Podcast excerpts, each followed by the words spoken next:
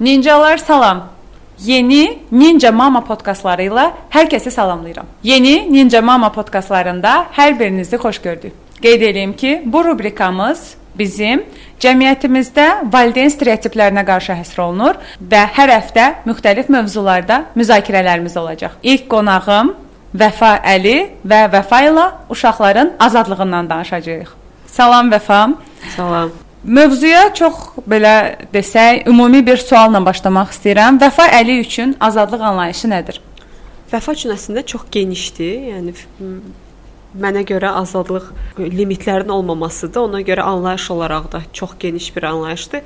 Amma bizim cəmiyyətimiz üçün, yaşadığımız cəmiyyətdə azadlığı ifadə etmək istəsəm əgər, bu cəmiyyətdə azadlıq istədiyin qədər səhv edə bilməkdir. Həm valideyn kimi, həm yeri gələndə övlad kimi, həm bir vətəndaş kimi, fərq yoxdur, dost kimi Azadlıq istədiyin qədər səhvləri edə bilməkdir və sən əgər səhvlərini rahatlıqla edib onlardan dərs çıxarıb bununla həyatına davam edə bilirsənsə, bu artıq əldə etdiyin azadlıq deməkdir.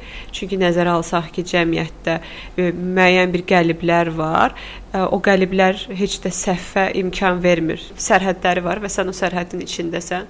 Nə sağa, nə sola hərəkət edə bilmirsən. Ona görə doyunca səhv edə bilirsənsə, səhv edib yeni addımlar ata bilirsənsə, artıq sən azadsan. O zaman mən belə bir sual vermək istəyirəm ki, azadlığı qorumağa çalışan Vəfa ana olaraq başqa analara bu istiqamətdə hər hansı bir stereotiplərin qırılmasında necə dəstək olub?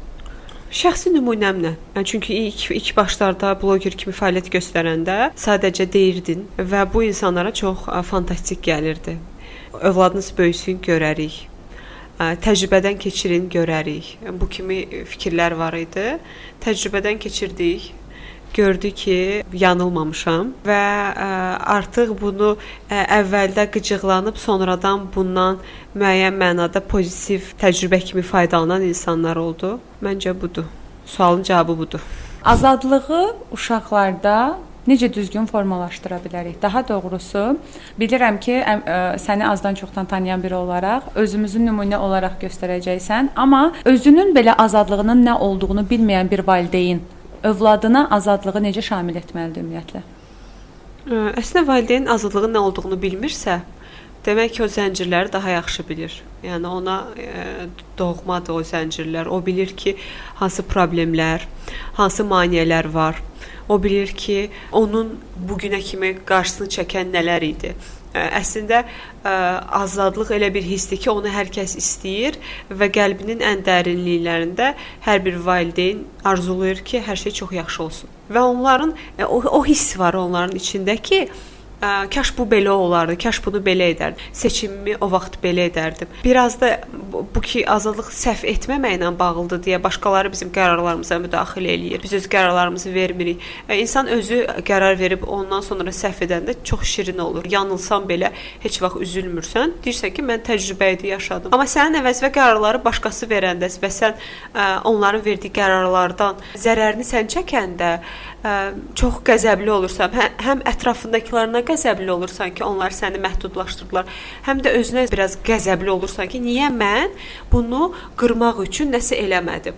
Bax o həmin valideynlər hər biri həmin o qəzəbi belə deyim də onunla barışsınlar, həmin o qəzəbə doğmalaşsalar, onlar biləcəklər ki, əslində nəyi necə etmək istəyərdilər və uşaqlarına o şansı versinlər.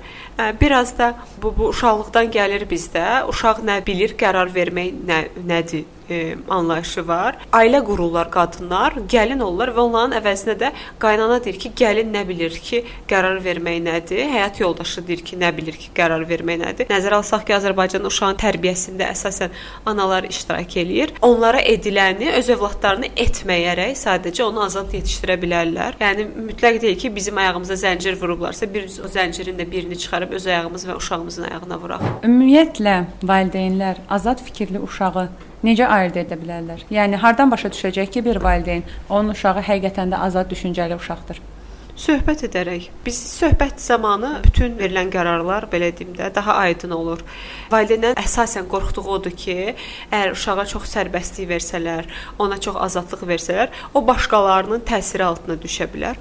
Amma əksinə, əgər körpə vaxtından o azaddısa, öz qərarlarını analiz edib özü verirsə, başqalarının təsiri altında manipulyasiyasına düşməyəcək. Yox, əgər bu azadlıq sonradan əldə ediləndirsə, bu 1 1 yaşına kimi onu dadmayıb və birdən onu dadanda artıq asanlıqla başqalarının manipulyasiyasına qurban gedə bilər və başqalarının təsiri altına düşə bilər. Ən çox həqiqətən cəmiyyətdə bu bunu insanlarla müzakirə etdikdə onların ən çox qorxduğu budur. Övladın pis insanların təsiri altına düşər. Əgər övlad ananın, atanın belə təsir altına düşməyəcəyi qədər özgüvənli və azaddırsa, başqa birinin təsiri altına niyə düşsün? Orman yetəri qədər azad uşaqdır. Öz fikirlərini biz keçiddə də komanda olaraq görürük ki, istədiyi kimi rahatlıqla bildirir, istəmirsə etirazını çox adekvat və düzgün formada edir. Bəs səncə ormanın keçiddəki azadlığı necədir? Sən onu necə dəyərləndirirsən? Mən necə dəyərləndirirəm? Gəl deyim orman necə dəyərləndirir? Çünki bu ormanın azadlığı olduğu Eynən. üçün mən çox da deyə mən necədir? Mənim üçün rahatdır valideyn ki, mən bunu deyə bilərəm.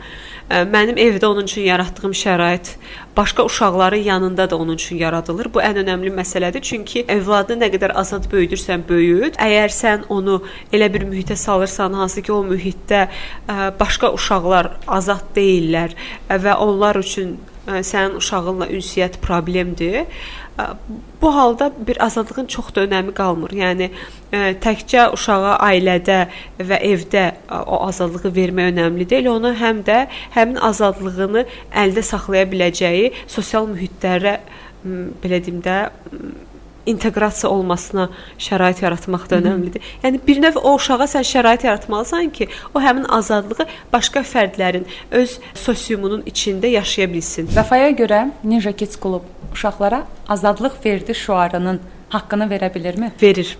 Əgər uşaqlar e, qərar verə bilirlərsə, hətta hər şeylə bağlı, yeri gəldi yeməklə bağlı, yeri gəldi oyunla bağlı, yeri gəldi master-klassa girib əgər uşaq master-klassa uyğun deyil və rahat şəkildə çıxa bilirsə, bu artıq onlar üçün bir azadlıqdır sərbəst mühitin olması, özü ilə eyni düşüncədə olan uşaqların olması artıq o deməkdir ki, o uşağın əldə etmək istədiyi azadlığı o mühit ona verir. Mənim üçün əsas üstünlüyü odur ki, şüar azadlıq verdiyi olduğu üçün o azadlıq axtaran analar hamısı ordadır və sən həqiqətən də səninlə eyni dalğada olan, səninlə eyni düşünən anaları və övladlarını orada görə bilirsən. Yəni sən azad uşaq böyüdüb sonra onu başqa uşaqların arasına atıb o uşaqlarla belə deyim də indi bu mühitlə mübarizə apar demirsən. Çünki bizim nəzərə alsaq ki, öz yeniyetməliyimiz mübarizədən keçib, özün bilirsən ki, necə çətindir ə, Aynen. o fərdliyini qorumaq bir mühitin içində. Əgər mühit sağlam mühitdirsə,